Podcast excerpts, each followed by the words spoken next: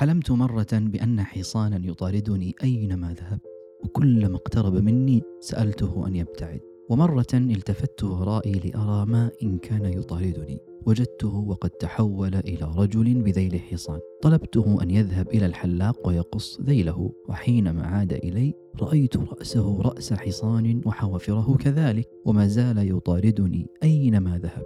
ومرة اقترب مني كثيرا. وحينما اقترب استيقظت. السلام عليكم ورحمة الله وبركاته. حياكم الله وبياكم أيها الأحباب في أي مكان كنتم وكيفما كنتم. أحدثكم أنا رشاد حسن من مذياع أو في هذه الحلقة عن الأبطال البطل في الأدب. قصة المرأة اللي قبل شوي يا جماعة هذه امرأة تحكي عن بطل أسطوري كان يطاردها كل ليلة في منامها لكنها ما استطاعت في يوم من الأيام أن تعثر عليه وأصبح هذا الذي يطاردها رمزا من رموز حياته.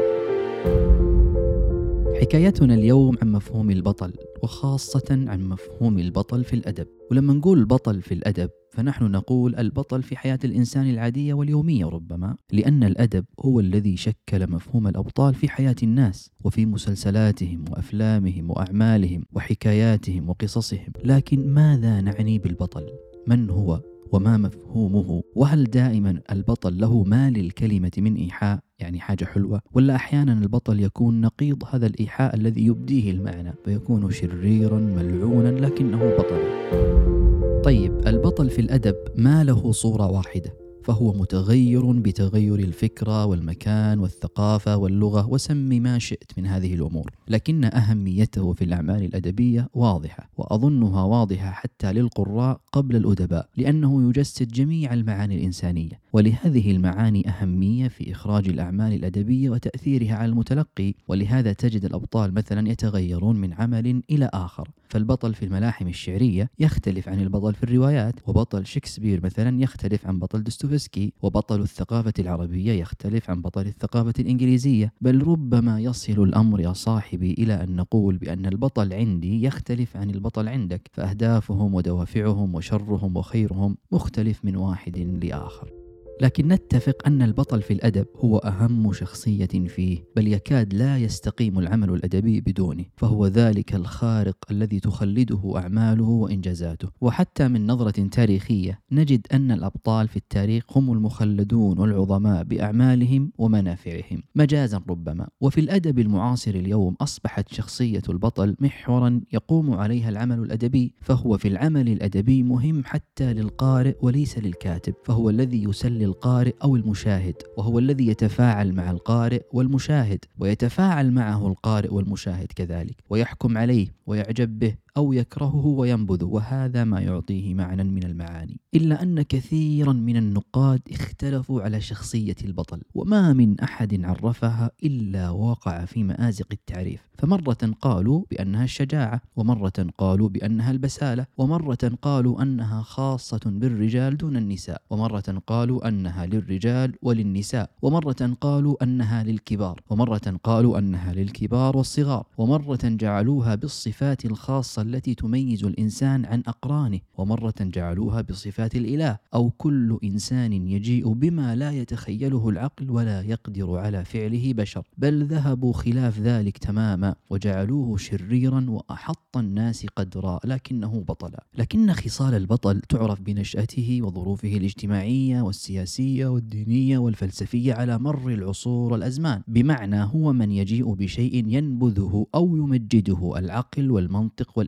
وإن كان ما يجيء به شنيعا ما دامت ترتبط به خصائص خاصة لا يقدر أحد سواه أن يفعلها فهذا هو البطل. غير أن الشائع في البطولة هي الشجاعة. وهذا معروف حتى من جانب اللغة. ففي اللغة العربية مثلا عند ابن منظور يقول أن البطولة هي الغلبة على الأقران أي غلبة يرتفع بها عمن حوله فيجلونه ويكبرونه. ومع هذا فيه جدل لغوي عن هذه المفردة من جانب أن البطل مرتبط بالبطلان والخسارة لكنهم وجدوا لهذه التعاليل مخرجا. فقالوا مثلا بأنه يبطل بسيفه العظائم فيجعلها زيفا. وقالوا أن الجبابرة يضعفون أمامه فلا يساوون شيئا أي يبطل شجاعتهم. وحتى في اللغة الإنجليزية نجد أن أصل كلمة البطل أو هيرو لها جذور يونانية من الفعل أحيانا to protect الحماية والصيانة والحراسة. وهذا ما يصور قداسة البطل أحيانا في أعين الناس. والبطل منذ القدم إنسان له قداسته بل عدوه من الآلهة. فالناظر في التاريخ يجد أن صفحة من صفحاته عنوانها عبادة البطل. جاءت من اليونان في القرون قبل الميلادية إلى القرن التاسع عشر ربما بل ربما نجدها حتى إلى اليوم. قوم يظنون أنهم من سلالة آلهة خاصة ببطولة تعنيهم وحدهم وبها تخيلوا الأساطير الخيالية ومنها بدأت لعلها حتى تتطور فكرة تمجيد البطل والملاحم اليونانية كانت تستند كثيرا على هذه الأفكار. وجاء مفهوم الرجل العظيم وهي من أفكار القرن التاسع عشر الذي امتدت وتوسعت فيه كثيرا ذلك الرجل العظيم الذي يكون رمزا في عين الناظر إليه بل بالغوا في تقديره حتى نصبوه إلها في عين الناس. وقد يكون هذا الرجل يتميز بما يتميز به كثير من الناس. مثلا يكون ذكي أو حكيم أو أي خصلة وصفة تكون عند غيره من الناس. وتوماس كارل يقول مثلا أن هذا الرجل العادي العظيم الخارق في عيون الناس هو من نتاج المجتمع. وما كان ليكون كذلك لولا هذا المجتمع. بل تخيلوا يا جماعة أن مفهوم البطل لحق الوعي واللاوعي والموت والحياة وكل من هذه المعاني المجردة وانصرف وابتعد عن الأشخاص والناس. وقد تطرق لمفهوم البطل حقول كثيرة فالفلاسفة ينظرون إلى البطل بالرفعة والعظمة والأبطال هم رجال عظماء في حياتهم وفي مواقفهم المختلفة وهم بتلك المواقف والأعمال ينالون تقدير الناس وإعجابهم فيكونون القدوة التي يحتذى بها. وعلم الاجتماع ينظر للبطل بأنه كل إنسان أسطوري أو حقيقي حي أو ميت يرمز إلى جانب مهم من جوانب القيم السائدة في ثقافة ما سواء حق حققها في حياته أم لم يحققها؟ لكن الناس يقدسونه وينظرون إليه ساميا متفوقا خارقا عن السائد. ولذلك يرتبط دائما في أذهان الجماعة بالمثال والقدوة. وعلم النفس كذلك ينظر له بأنه الذي يتفوق على نفسه بنفسه. ولعلنا نرى يا جماعة اليوم كيف أن البطل يتقلب بين الفرد والمجتمع. يعني من يجعل الآخر بطلا أهو البطل نفسه فرض نفسه بطلا على المجتمع أم أنه المجتمع من جعله بطلا؟ فقد قيل مثلا بأنه ما من بطل إن لم يكن لديه مجتمع يخلصه من شيء ما. وبهذا المفهوم يقوم البطل على المجتمع فهما لا ينفصلان عن بعضهما. وبهذا نشوف يا جماعة أن كل إنسان في الحياة قادر أن يكون بطلا قاطع الطريق مثلا يرى في نفسه ذلك الشجاع المقدام وهذا يجعله في عين نفسه بطل. هل القراصنة مثلا أبطال؟ هل كل من يحتاج إلى مجتمع يعطيه هذه المزية يصبح بطلا؟ ولو نظرتم في كل هذه المحاولات للتعريف لوجدتم أنها محاولات للتعريف ليست إلا فكل إنسان قد يعرف البطل من وجهته ومعرفته ويبقى السؤال الفيصل ما الذي يجعل فلان بطلا؟ بينما علان ضعيفا ما هي روافد البطولة؟ الأدب مثلا حينما تطرق للبطولة قال أن البطولة تعني فيما تعنيه تلك القوى المحركة للإنسان في اتجاهاته من جنون المغامرة والنصر وفرادة الموقف وفي جسد البطولة هذا يكون الشوق والرحلة والتحول والتطلع والشهامة والإيثار وغير ذلك مما يصعب تشكيله تشكيلا محددا لأنها في كثير من امتداداتها تكون كامنة في نفس الإنسان. فقد نقول من جانب أنه يلزم أن يكون كل بطل شجاع ولا يلزم أن يكون كل شجاع بطل وكل بطل غالب ومتفوق على نظرائه.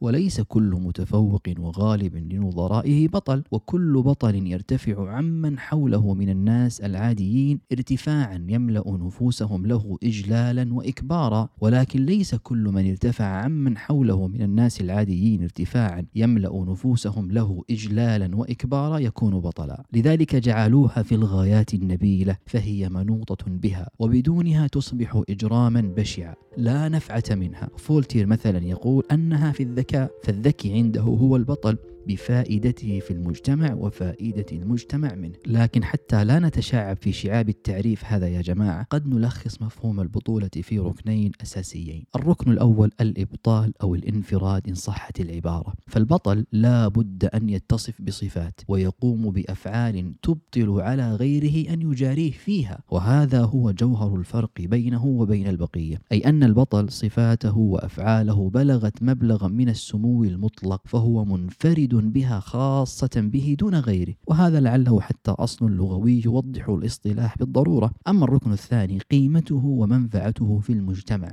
فكل فعل من أفعاله يجب أن تبطل على غيره مجاراته فيها وتكون واضحة في محيطه ومجتمعه الذي ينافس فيه. وهذا لعله أوضح معنى لها في الأدب. ومع هذا اليوم تغيرت الأمور حتى فمفهوم البطل تغير أو مش تغير تقلب على أوجه عديده ولم يعد البطل مبطلا على غيره بعض الصفات بل غدا بمكانته المحورية في العمل الأدبي والاجتماعي والمجتمعي. ومن هنا ظهر مفهوم البطل في الأعمال الأدبية. الأدبية القصة والشعر والمسرح والسينما والدراما وغير ذلك من الألوان الأدبية. يتألق البطل في السرد فتتقازم أمام دوره كل الشخوص. بل أصبح البطل اليوم حتى ليس بطلا ساميا أخلاقيا خاصة في الأدب والأعمال الفنية المعاصرة. بل صار لصا وقاتلا وقاطع طريق. فالبطولة ليست بطولة أخلاق بل بطولة محورية في النص والتفات الأحداث عليه. والمفتش في تاريخ العرب والأبطال يجد أن العربي لا يخلط بين صفات البطل البطل والإله فالبطل عند العربي بطل في الحياة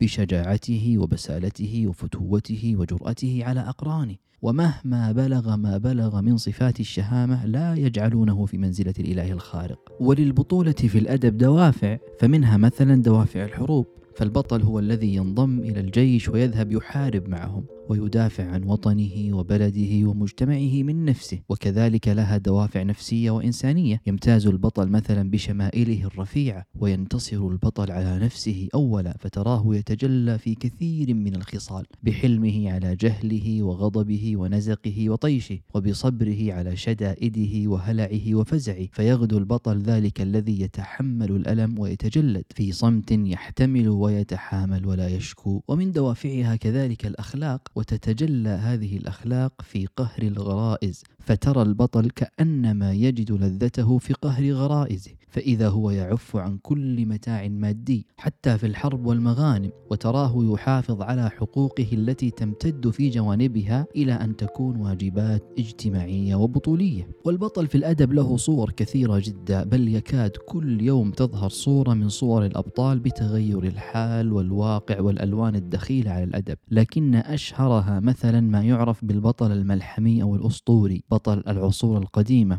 ذلك البطل الذي تتشابه بعض صفاته بصفات الإله. وهؤلاء الأبطال كانوا رموز يحتذى بهم وفيهم الخيال أكبر من الواقع. فيزعمون مثلا أنهم أشخاص ولادتهم كانت غير عادية وغير طبيعية كبقية الناس. وفي ملاحمهم يتداخل عالم الإله بعالم الإنسان. ومن صور الأبطال كذلك البطل المأساوي. والبطل المأساوي من اسمه يعرف معناه وهو بطل المأساة. إنسان نبيل له قدر مأساوي. يأخذه في الأخير إلى حتفه وصراع هذا البطل يكون غالبا مع القدر وكأنه في صراعه هذا يصلح خطاياه التي اقترفها. ولذا فالبطل المأساوي يحرك مشاعر الناس فهو في كثير من الأحيان يشبهنا. فكل إنسان في حياته مأساة وبحاجة إلى الرحمة والشفقة. ومن صور الأبطال كذلك بطل الهزل والسخرية أو الكوميديا. ذلك البطل الذي يتحرر من أخطائه بالسخرية منها وهزيمتها. ومن الصور كذلك بطل الواقع الواقع وهو بطل ماثل في الواقع وشجاع نبيل ومقدام ومثل أعلى في المجتمع. وهذا النموذج من الأبطال شائع عند العرب في أشعارهم وأخبارهم. ومن صور الأبطال كذلك بطل الخيال. وغالبا هذا البطل يكون هو ركيزة الأعمال الأدبية. وقد يكون البطل من الخيال المحض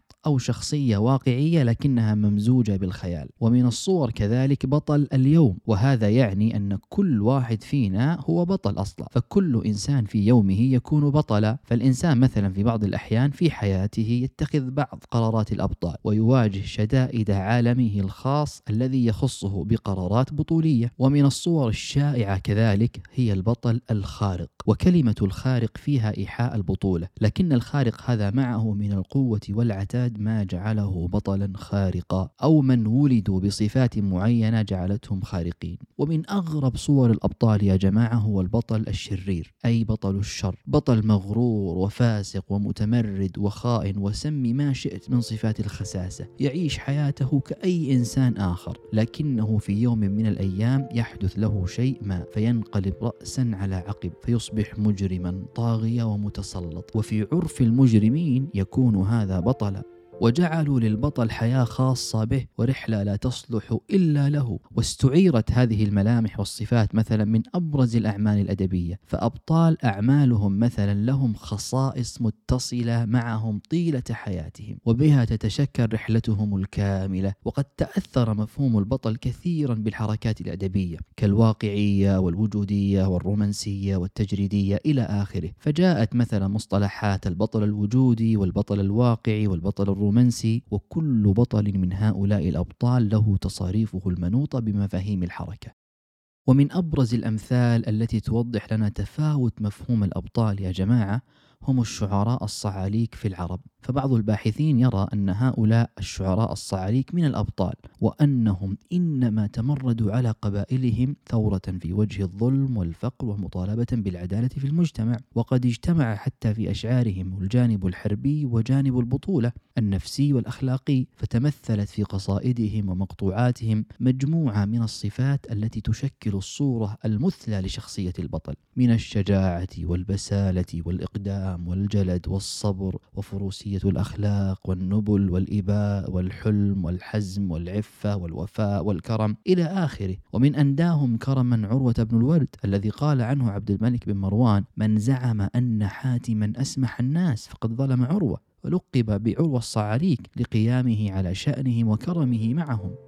أما في مطلع العصر الحديث فصورة البطل انسلخت من كثير من القيم والأخلاق وانفردت بصورة خاصة بها. قائمة على الحرية والتحرر من جانب والعدالة والإقدام والتفرد في اختيار المصير من جانب آخر وفقا لعقائده وتوجهاته وأخلاقياته الخاصة. ولذلك ترى البطل اليوم يصارع على الشر ويناهض القيم الحرة أو يضطهد نفسه بداخل نفسه فلا يتغلب عليها أو شريرة لا يتمسك بالقيم والأخلاق المعروفة والسائدة عند الناس. وقد تجد من صوره كذلك التضحية أي ذلك البطل الذي فرضت عليه الحياة مصيرا محتوما يائسا فاضطر على تحمله.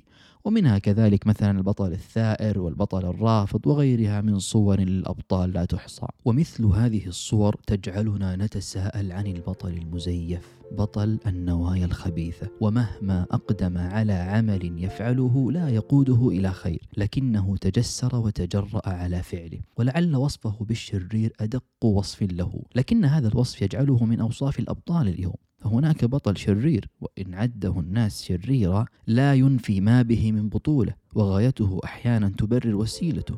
لكن أظن أن هناك خيط رقيق جدا بين البطولة النافعة والبطولة الضارة التي هي الشر إن صحت العبارة. وقد يخلط أحيانا البطل بين الحق والباطل الصواب والخطأ. فيوهمك بتصرفه الشجاع أنه بطل أو أن الناس يظنون من ينتصر في الأخير أنه البطل. وفيه فرق يا جماعة كبير جدا بين البطل والمنتصر. ففيه مثلا بعض الأعمال والأفلام والكتب تصور لك المنتصر أنه بطل وهذا خاطئ. فالمنتصر قد يكون منتصرا بالباطل لكن البطل لا يكون بطلا إلا في الحق